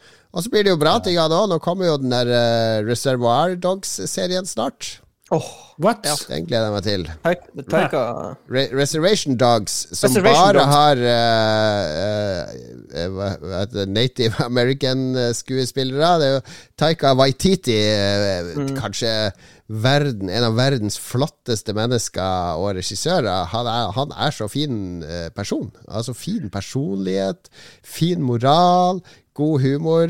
Han som lagde en snill, snill person. ja, som laga masse bra newzealandsk, og den, en, den virkelig gode, artige Marvel-filmen Thor Ragnarok, som er den eneste Marvel-filmen som ikke tar seg sjøl så seriøst. Og uh, den nye Thor-filmen, Blood and Thunder. Ja, den uh, står han også bak. Han lagde Jojo Rabbit, kjempefin film. Uh, Dere vet hva de sa Wilder om- Beast. Han, eh, Kevin Spacey sa de òg var veldig hyggelig og superfyr, og så plutselig bare boom! Ja, ja, ja. Men er safe. Reservation Dogs er en komedie om noen indianer-kids-unger i et reservoar som uh, drømmer om å flytte til LA og bli gangstere. Så de er sånn småkriminelle. Ja, begynner å bli veldig mange barn i de der eh, Taika Waititi-filmene. Just Oi, saying. Lars, no! Don't say it! Ja. Han er Han kan ikke ha noe Nei, nei, han er snill. Ja. Jeg må anbefale mens jeg har ordet, Ja, ish, sorry. uh, ukens Spillrevyen kom ut litt sent, men den er ute nå. Og der har vi gjest Øystein Pedersen, som har lagd spillet Northern Journey i noe som heter Slid Studio. heter den. Men hvis du går på Steam og så finner du der Northern Journey til 83 kroner, så ser det ut som en bra investering. Det har fått kjempepositive reviews. Det er inspirert av Heksen og Skyrim. Bortsett fra at han syns at det er altfor mye quests i Skyrim og for mye sånn dårlige quests. Alt er egentlig en sånn lineær eh, opplevelse, egentlig. Og det skal være helt amazing. Det ser jo litt sånn basic ut, men eh, ja, spillhistorie.no elsker det. Eh, reviewerne elsker det på Steam og sånn, så jeg truer på det. Intervjuene, eh, eller jeg intervjuet han et kvarter ish i ukens spillrevyen.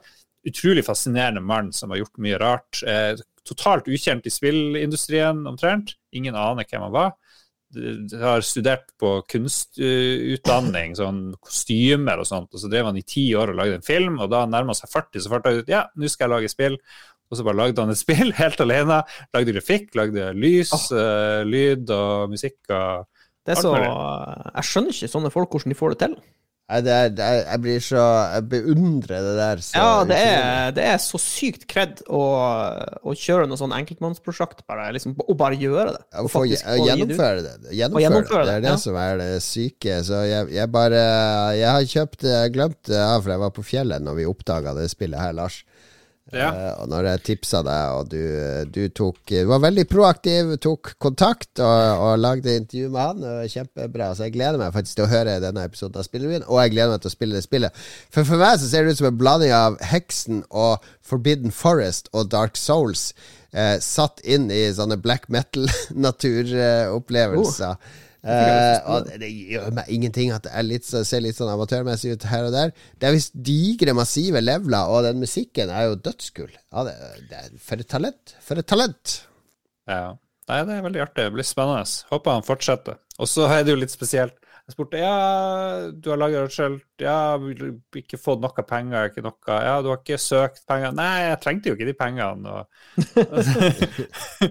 Artig. Men det er ingen som vet om det spillet. da. Det er jo sånn tilfeldig at folk vet om det. Så han kunne jo fått litt penger for å drive litt markedsføring. Det hadde vært kult. Men, ja, ja. Ja. For å gjøre det neste gang. Nei da, bare stay, stay eh, kreativ, eh, Øystein. Stay trygg, skal jeg, tar, jeg skal sende deg mitt businesskort, så skal jeg ta meg av marketing. Og jeg kan være din agent. Jeg tar Ja. bare 95 altså. Du kan være han der fyren til han uh, Thomas Happ, som lagde Axiom Verge-spillene. Han Ja, trengte en sånn businesskar. Ja, ja, ja, det skal vi ordne. Lolbua, represent, Lolbua represent. Det nye agentbyrået Lolbua. Vi representerer soloutviklere i Norge. Bare ta kontakt.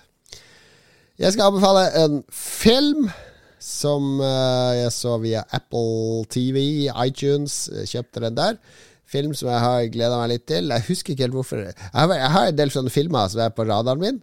Ja, det skal jeg se når det kommer. Og så når det kommer, så har jeg glemt hvorfor Hvorfor hadde, hadde putta de på radaren i utgangspunktet. Sikkert bare en eller annen tweet av en eller annen dude for 100 år siden.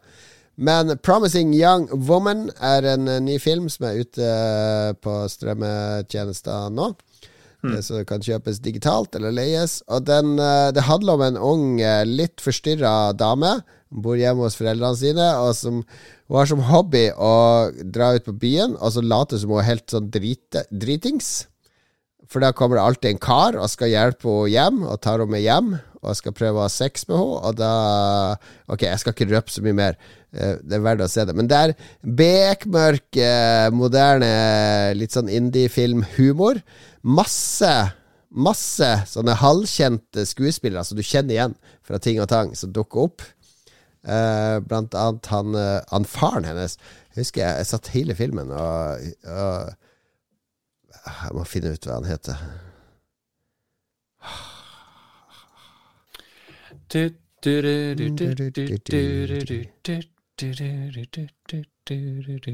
Hvor det går, Mats? Ja, det går bra. Skal vi se Ja. Clancy Brown. Han som spiller som fangevokter Ja, i Shawshank Redemption. Ja, ja, ja, det er han. Ja, ja. Han er, han er så bra. Men det, det er folk som uh, han der uh, komikeren som hadde solo Han Bo Burnham. Han har en veldig sentral Ja, rolle. Uh, Supersnappy manus. Uh, det, det, er litt sånn uh, det, jeg, jeg merker at den er for en generasjon under meg, men Alison samtidig Brie er med òg, altså. ja, ja, den, tale, den talte veldig til meg, den filmen. Utrolig eh, ja, gode Det er sånn moderne tematikk. Det handler litt om eh, kvinnefrigjøring og feminisme og bro-kultur og litt sånne ting. Oppgjør med ditt og datt. Men den er dritmorsom. Dritmorsom og, og ja, litt sterk og litt morsom. Så Promising Young Woman, sjekk den ut, karer. Woman. Er det sånn at du kan se den gratis hvis du har Apple TV, eller må du liksom bare leie den? Nei, du må leie den. Leie den? Ja, Som, van, som en vanlig film? Ja, ja, ja. ja, ja. Ja. Skjønner, skjønner. Ja, da skal jeg anbefale mobiltelefontilbehør. siden, siden dere hadde så bra anbefalinger, så skal jeg Jeg må trekke oss litt ned på jorda, gutter. Vi kan ikke, vi kan ikke fly mot sola. Vi, jeg må tilbake. Jeg må i, tilbake i jorda. Nei, altså um, eh, jeg, skulle, jeg skulle, har jo som sagt kjøpt meg en ny fancy telefon, så tenkte jeg vet du hva, jeg skal prøve å ta vare på skjermen. Og så var det noen som anbefalte en skjermbeskytter som heter Spigen. Spigen. Som, som er en sånn, eh, Det er sånn glassaktig film du limer på. Men det geniale er at uh, den kommer med en sånn uh, slags uh, template som du legger over telefonen, som passer helt perfekt til akkurat den modellen du har. Så drar du bare bort det som striper, og så trykker du ned med fingeren, og så drar du av hele greia to ganger. Så har du liksom perfekt applikasjon av skjermbeskytter. Ingen boble, ingen eh, støvflekker, ingenting. Alt er liksom helt eh, clean. Eh, og så er den veldig behagelig eh, å ta på. Altså, er som, den er som glass, så det er akkurat som om at du ikke har en skjermbeskytter på, rett og slett. Det er som du har bare det originale glasset. Men den er ja, kjempebra førsteinntrykk. Kjøpt og betalt. De luxe. Kjøpt og betalt. Spigen eh, TR Glass. Hva det kosta det her, sa du? Eh, Det kost, uh, 200 kroner, så får du to stykk. Skulle ønske jeg hadde gjort det. Fordi det blir bestandig sånne små riper, uansett hvor mye gorilla de putter i glasset. og. Ja, ja, du må ha beskytter. Og denne, denne er, den er så smooth! Det er så bra potens. Så ja, hvis du er, hvis du er litt på gjerdet med skjermbeskyttere, så eh, sjekk ut Spigen, By my sinner, the wind that hangs always to her arms.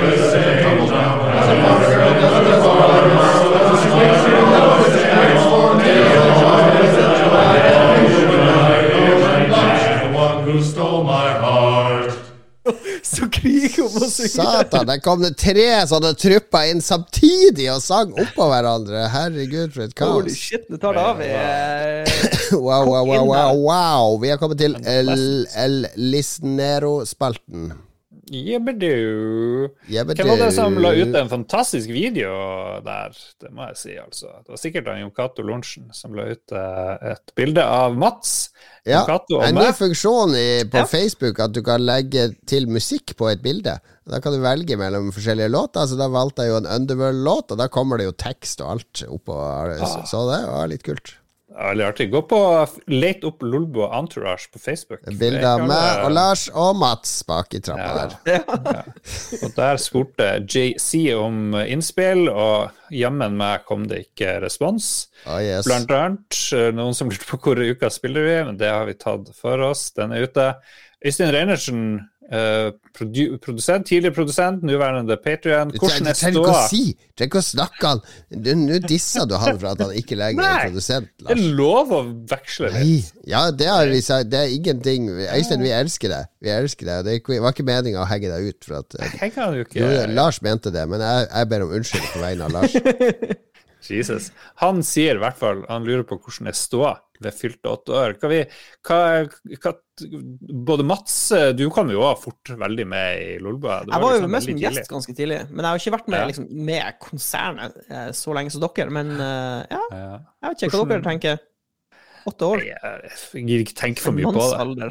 Nei, åtte er jo altså, Det er jo tiårsjubileet vi må gjøre noe med. Åtte år, hva vi fant ut? Det var en kjønnsmoden gorilla, var det det? Ja. Nei, åtte år er jo ingenting. Det, Nei, det, det, That's nothing. det er et blaff. Et blaff i vinden. Blaff i vinden. Så det, ja, det er ståa er jo at eh, mye har jo endra seg på åtte år. Det har det jo. Jeg er jo ikke lenger enn eh, Ja, for åtte år siden jobba jeg jo ikke i Krillbite engang. Da var jeg jo bare sånn frilanser som prøvde å overleve med ene oppdraget etter det andre forsvant. Lars var bare en bladgauk. eh, en vanlig journalist. eh, litt desillusjonert kanskje du òg, så vi var veldig søkende på å bare lage noe sammen. Mens nå er vi jo, har vi jo ganske mye jobb, begge to, og litt mindre fritid. Men Lolbø er jo fortsatt et sånn lim som holder oss sammen. Ja. Målet mitt var jo å få dame eller jobb i NRK, så 50% av det var jo helt greit. Ja, men eh, det fine med det, Lars, er at det er aldri for sent for å få jobb i NRK. Nei, Du, jeg er ganske sikker på at du kan bikke 86 og bli nyansatt i De mista, mista to populære podkaster nettopp, så vi har sjansen nå. Ja. Hva har jeg mista? Radioresepsjon og Friminutt. friminutt. ja, alle de har foren til den nye ja, ja. podkastsatsinga. Ja. Til Discovery. Ja. Til det der, er det noen som har hørt på det? Noen som har kjøpt Nei. seg inn Nei, på det VG-greia? Kanskje vi kan ha med en gjest som har kjøpt seg inn, så kan fortelle litt om det. Ja, kanskje det. Vi har ikke råd til å betale for podkast. Økonomien er bare ikke der. Ja. God idé. Han øh, Skal vi se Du hoppa jo over noen der. Tom Wilhelm mente jo at vi er veldig kjekke, da. Det tar vi jo med. Tom Ja. Wilhelm, øh, fast lytter gjennom mange år. Ja. Jo da, takk, eh, Tom Wilhelm. Han er min tidligere er. Amibo-pusher på øh, GameStop, da det fortsatt eksisterte i Norge. Ja, nå er du reinvaska. Det er jo bra. Ja. Ragnar Veien Tundal lurer på om vi tror at Xbox GamePass kan føre til at det blir solgt færre spill, og at det blir mindre mangfold i spillverden. Folk har uansett ikke tid til å spille alt som kommer ut, og kan fort tenke at tilbudet på GamePass er godt nok. Kan Microsoft få for mye makt med tanke på hvilke spill som får finansiering i fremtiden, dersom GamePass overtar større deler av markedet? Nå er jo Xbox GamePass kanskje en ganske liten del av markedet, Ja. når jeg tenker meg om. Du har Steam er mye større, du har eh, mobilspill i Asia, som jo jo Cato elsker å nevne hele tida. Ja. Du, eh, har, det har jo med convenience å gjøre for noen, men samtidig så jeg ble, jo, jeg, jeg ble jo rasende på Eller jeg ble skuffende på GamePass her om dagen, fordi eh, jeg visste jo at EA Play er med i GamePass. Og jeg tenkte ja, nå er nye Fifa ute, jeg kan sikkert spille det via GamePass. Nei, det kan du ikke. Det kan jeg spille i mai via GamePass. Eh, Så Battlefield nye kommer jo ikke i GamePass, selv om EA samarbeider med GamePass og sånn, så at Mm. det er, eh, Ja, ja, hvis alt Jeg vet ikke. Jeg liker ikke at noen skal kuratorere hva jeg skal Jeg vil, jeg vil ikke bli slave til én tjeneste, og da skal jeg ekskludere alt som er utafor den tjenesten. Men det er kanskje bare meg. Det er kanskje bare deg, eller Mats? Jeg, jeg vet ikke. Altså, det er jo et godt spørsmål, men jeg tenker at uh, det kommer alltid til å være plass til uh, Altså, de spillene jeg har en tendens til å bruke mest tid på, er de her spillene som kommer fra ingensteds. De bare dukker opp, sånn som PubG og Escape from Tarkov og sånne små, eh, mindre studioer, da, som, som eh, alltid kommer til å dette utenfor de store paraplyene. Så jeg tror ikke det er noen trussel for, eh, for spillindustrien. Jeg tror ikke det blir mindre mangfold, det tror jeg ikke. Absolutt ikke. Dette ut av paraplyene, er det et vanlig Ja, veldig vanlig. Ja. Veldig vanlig. Mm. ja. Er- paraplyen. Ja, Min analogi er Xbox GamePass. Det er som P4 på radioen. Og det er helt greit for folk som ikke er sånn veldig musikkinteressert, men som liker å høre på koselig, rolig popmusikk. Eh, Jeg har litt musikk av og til. Dette er GamePass her. Det er en tjeneste for folk som ikke er så spillinteressert, men som bare vil ha et spill av og til å spille. Så vær så god, eh, P4-lytter, GamePass-spiller. Eh, Xbox er din. Jeg kjøper kassetter fra en sånn shady fyr i frakk. Ja, det er det du gjør. Du er bootlegger Radio Luxembourg så du har tatt inn med din hjemmesnekra antenne. Ok, showing our age. La oss gå videre. Nå blir det Eh, gammelmanns Gøran Nilsen eh, lurer på når skal det bli en bytur med Lolbua som følger med fuktig kveld med middag og sang og alt det gode? Det tenker jeg vi skal ha på nyåret. På vinteren. Ja, Mhm. bare si fra, så jeg dukker opp. Vi må spare litt er. Patrion-penger. Vi har uh, hatt eh, Vi har jo brukt en del Patrion-penger på å investere i utstyr. Blant annet fått med Katarina. Investert i, i datamaskin og sånt til henne, så hun kan være med og spille inn. Og, og, litt andre småting. Jeg brukte ganske mye på merch nå nylig, som ble sendt ut til alle swappers. Vi skal ha en ny julegave i desember, men i februar så tror jeg vi kan slå på stortromma og åpne Patrion-lommeboka litt, og invitere til en durabelig bytur. Kan vi starte et slags reisebyrå? Vi, det har ikke så mye med Patrion å gjøre, men vi er liksom reiseledere. Sånn som vinturer til Piemonte, og jeg vet da faen hvor Ja, man drar. dette, er Ja. en god idé. dette er en god idé. Ja, Mm, så kan vi Ja! og så kan vi ha sånn tema. det er jo en genuint god idé, Lars. Ja, vi kan fære til et sted hvor det liksom spill er satt, eller vi kan bare fære til Jamaica og jeg vet ikke, finne på et eller annet. Det er sikkert noen spill som er i Jamaica. Sikkert. Vi kan ta sånn Jeg, jeg tipper det er hitman-level i spilltours. Jamaica. Det er ingen som har lagd spillreisebyrå, så der tror jeg det ligger ligger faen, der har du en god idé, Lars. Lars er på saken, så du tar ansvar for det her, eh, rett og slett. Han Svante Haugli vil informere meg om at menstruasjon er et sjeldent fenomen i dyreriket, at det er nesten bare mennesker som menstruerer. Hver måned vokser livmorslimhinnen i forberedelse på graviditet. Denne hinnen dannes bl.a. for å forhindre at babyen sliter seg gjennom innsiden av mors mage. Ut. Når kroppen merker at den ikke er gravid, skilles hinnen ut sammen med blod. Dette kalles mens. Jeg Svan- kjøper alt, bortsett fra det der med at babyen skal slite seg gjennom innsiden av mors mage. Det er jo, Nå er vi på sånn alien Ja, Svante Haugli. Thank you, Mr. Know-it-all! Herregud, for en uh, Jeg for- formelig hørte at han dytta brillene opp av nesen idet han var ferdig å legge ut om menstruasjonen. Ops, hunden din menstruerer ikke. Den har blødninger fra skjeden. Hunden min Jeg har ikke noe hund. Jeg vet ikke, Har du snakka så mye om menstruasjon? Har er det? Jeg kommer ikke på det. Vi Nei, hadde med Katarina sist. Jeg blir jo ikke å prate om menstruasjon med Katarina. Nei, det er jo ureint og bad luck å snakke om menstruasjon uansett. Har jeg snakka så mye om menstruasjon? Jeg tror kanskje han blander han Svante med f.eks. nerdelandslaget, hvor de snakker om menstruasjon hele tida. Ja, kjøtt i går. Blod i går! Kjøtt går! Det er uh, mer i det territoriet der, ja. Ja, men jeg syns det er veldig bra. Sant? Jeg syns du skal komme med nye fakta hver uke. Hvis du Hva er ditt forhold til mensen da, Lars? Uh, nei, jeg har sånn helt standard forhold. Jeg prøver å ikke ha så mye med det å gjøre. Men uh, hvis du er kåt nok, er det greit? Kjøre brannbil? Jeg, skal ikke, jeg skal ikke fordømme noen som kjører brannbil. Det skal jeg ikke gjøre. Men Så må lenge du kjøre fått lov til å brannbil kjøre hele tida? At du ikke bare hopper inn i brannbilen. Men man er jo ganske glad for at menstruasjon kommer når den kommer, av og til. Ja. Det er verre at den ikke kommer. Takk Ja, for meg. Ja, ja. Det var Ja. alvor, Eh, alvorsord.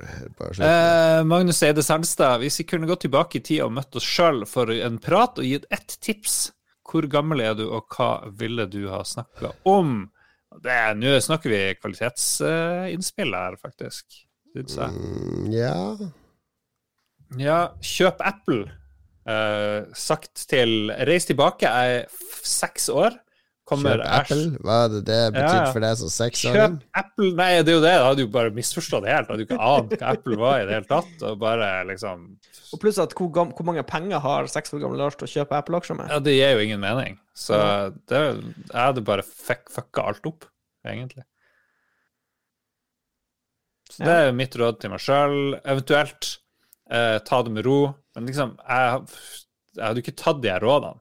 Det er jo en, jeg, jeg, Jeg jeg det, i dag det- det er jo et, eh, tidsparadoks, fordi den yngre versjonen av meg kommer ut og blir freaka ut som fan og får PTSD, og så blir den eldre versjonen også PTSD. Så blir det sånn her eh, fucked up eh, timeloop med sånn skada Mats som er paranoid og Ja. sliter med Og så sitter og venter på at det skal komme noen fra fremtida for å skremme han på nytt igjen. Ja, burde vi, men liksom, her kommer vi Du kan, du kan anbefale deg sjøl eh, når du er 20 til å kjøpe bitcoin, eller du kan prøve å advare noen mot Anders Berg Breivik. ikke sant? Går du for personlig vinning, eller prøver du å redde liv? Jeg, jeg, jeg sliter med å finne ut hva Hva skal jeg Altså, endre på? Hva vil du endre sånn, til det bedre? eh, Ikke stem på Harstadpakken, vi trenger ikke den tunnelen. jeg, jeg kan komme med et sånn genuint uh, en genuin kommentar, og det er at jeg ville bare eksempel gått til yngre Mats og informert han om uh, en hobby jeg holder på med nå, eksempel dynamisk skoleskyting. For det fant jeg ikke ut før jeg var uh, godt voksen. Hvis jeg hadde visst om det når jeg var 18, så hadde jeg begynt mye tidligere og sikkert vært mye flinkere. Så noe sånt, kanskje. Mm. Litt sånn harmløst. Ikke noe sånn her Ja. økonomi eller redde verden-ting.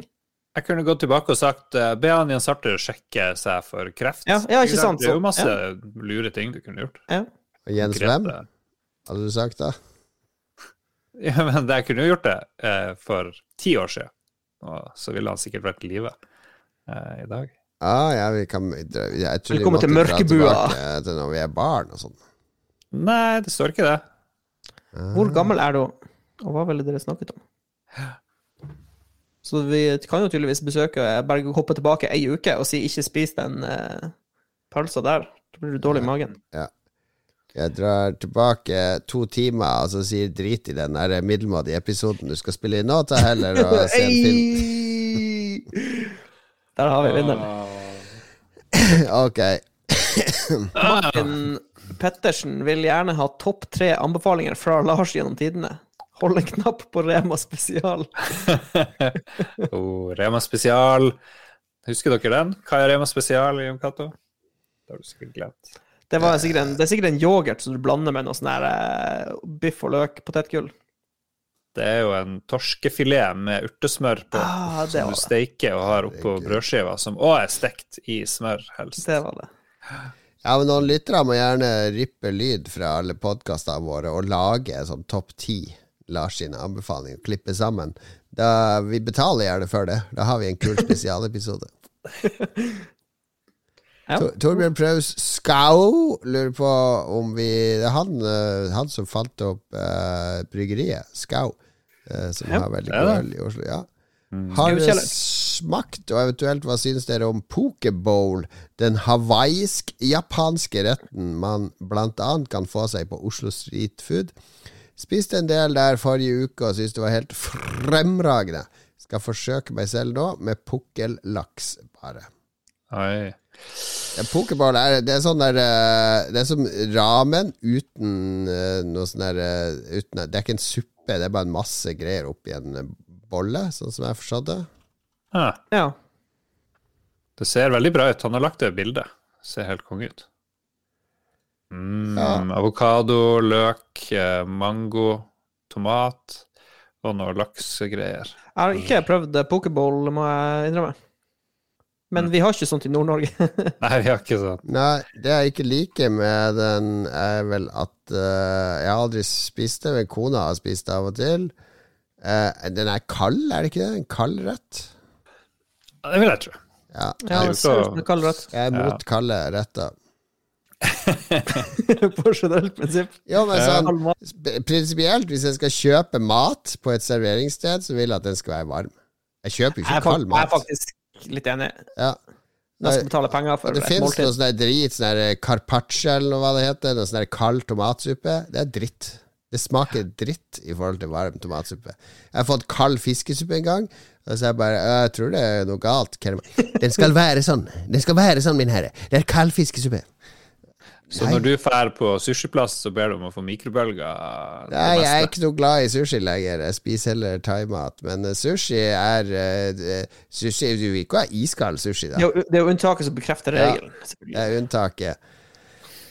Men det er, jeg kjøper sjelden sushi. Hvis jeg, kan. Hvis jeg skal gå Ja, på kan- kan jeg restaurant, bare- så skal jeg ha varm mat, rett og slett. Kan jeg komme, komme inn med en sånn liten ting? Jeg må bare joine Jon Cato på det korstoget. For jeg, kan jeg bare si at koldtbord er noe forbanna piss? Ja, det utgår. Utgår. Fuck Hva med hotellfrokost? Alle, varm bacon, eh, varm eh, sånn der bønner. Bønner, deilig. Bacon, pølse har de ofte. Varm sjampinjong. Eh, varm Jeg vil gjerne ha et iskaldt bløtkokt egg, takk. Legg det i kjøleskapet litt, det var for varmt, dette egget. Herregud, selvfølgelig vil du ha varmt. Alle vil jo ha varmt. Vil, og hvorfor Du tar brødet, loffen, og så putter det i den rist, brødristemaskinen. Kommer de ut på sånn bånd. Varme, gode skiver. Smøret smelter opp på skiva. Legger du på osten. Ah, deilig toast. Varm toast. Ja, Vi kunne krangla litt mer her, tror jeg, men det er jo ingen som er uenig her. egentlig. Det er jo bra. Men frokost er uenig. Jeg vil ikke ha varm frokost. Jeg kan, kan få litt egg som er lunka og sånn. Det er Ja, greit. du ville ha kald toast på hytta, Jeg husker du godt? Ikke, ikke varm den toasten for mye. Sett i vinduet, det må kjøle seg ned ti minutter. Jeg skal ikke ha varm toast. Toast og rista brød er unntaket som bekrefter regelen. Sånn er det. Ja, det er sant. Ja. Nei, men eh, Det er sikkert godt, men jeg ser jo på bilder at eh, det, det, det er sånn allergibombe, ikke sant? Fordi det er også ulempa med når det er kaldt. Da er det ubehandla råvarer. Den der mangoen som er oppi det bildet her til Torbjørn, de der grønne greiene som sikkert også er noe sånn mangohelvete. Det er noe vårløk. Alt det der kommer til å få det til å klø i halsen min og svelle opp. Rett og slett. til eh, mitt eget personlige mangohelvete. Ja, mango kan du tråkke opp i ræva, altså. Mango er godt, da. Vi har ett spørsmål igjen, tror jeg. Ja. Noe sånt? Ja. Ja. Eh, Håkon Puntervold. Siden vi feirer åtte år, så må vi få høre topp åtte øyeblikk i Lolbua history. Det klarer vi ikke. Uh, Klarer vi det? Topp eh, top én øyeblikk, eller på topplista, det tror jeg vi snakka om på fredag. Det er jo eh, da han, eh, Marius, nei, Magnus Tellefsen begynte å snakke om eh, radarbølger, eller noe sånt der eh, Jungel... eh, Jungel. Noe greier. Du skulle skremme terrorister ut av jungelen. Det er en klassiker. Den er topp tre, uten tvil. Ja, den var morsom. Ja, det var flott. Og så har du da Vi hadde han Kisen som hadde vært masse i eh, Nord-Korea. Det var en Ja, det favoritt var bra. Jeg husker ikke hva han het. Heter han Gjøran, han? Hva han het for noe? Det var en Magnus-kompis. Og det er han der Laibach-fyren. Ja, ja, ja. Nei, ikke han. Ikke han kunst... Det Ikke var han ikke han. Morten. Ikke han Morten. Jo, Nei, det var ikke han nei. han var nede med Laibak. Ja, i Nord-Korea. men det er ikke han Morten Tråvik sjøl. Det var Nei, nei, nei. Nei, nei, nei. assistent. Ja. Um, ja, vi har jo mange, mange favoritter, men ja, vanskelig å huske. Jørund jo- Pedersen. Ja, yeah. det var det han het. Vi har jo hatt fuckings 373 Ja, det begynner å bli noen, 73 episoder er vi på nå. noen manner. 360 hadde ikke vært et gjensyn, men det er sikkert en, en titalls som kanskje har tålt tiden sin tatt tann. hvis du bare lager mange nok episoder, så kommer det til å bli et par bra. Kvantitet foran kvalitet har alltid vært vårt eh, slagord, så vi pøser på med content, content, content. Det er det som Yeah. eh, betyr noe i dagens medieverden.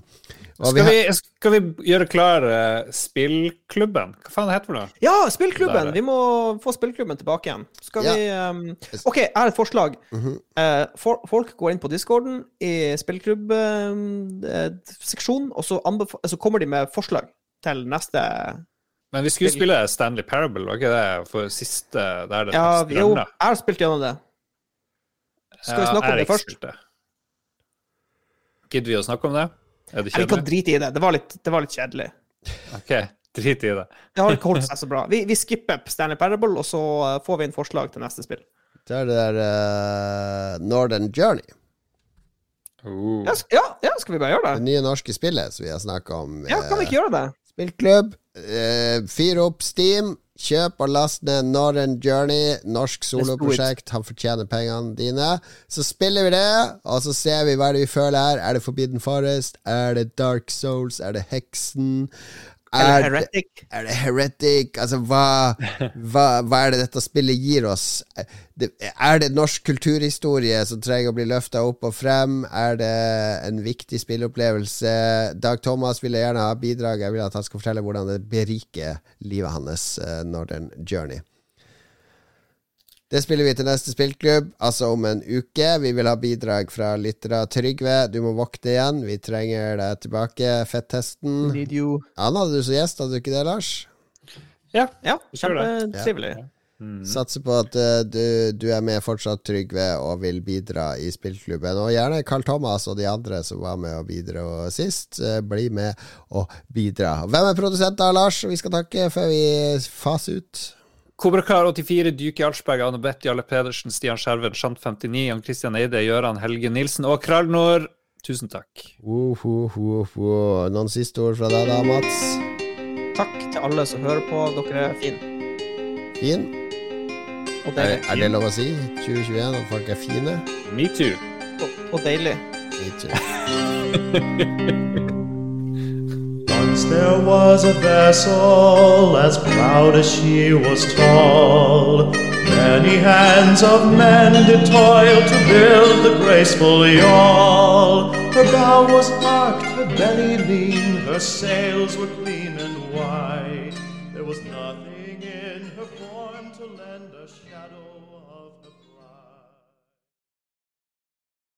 Har du et enkeltpersonforetak eller en liten bedrift? Da er du sikkert lei av å høre meg snakke om hvor enkelt det er med kvitteringer og bilag i fiken, så vi eh, gir oss her, vi. Fordi vi liker enkelt. Fiken superenkelt regnskap.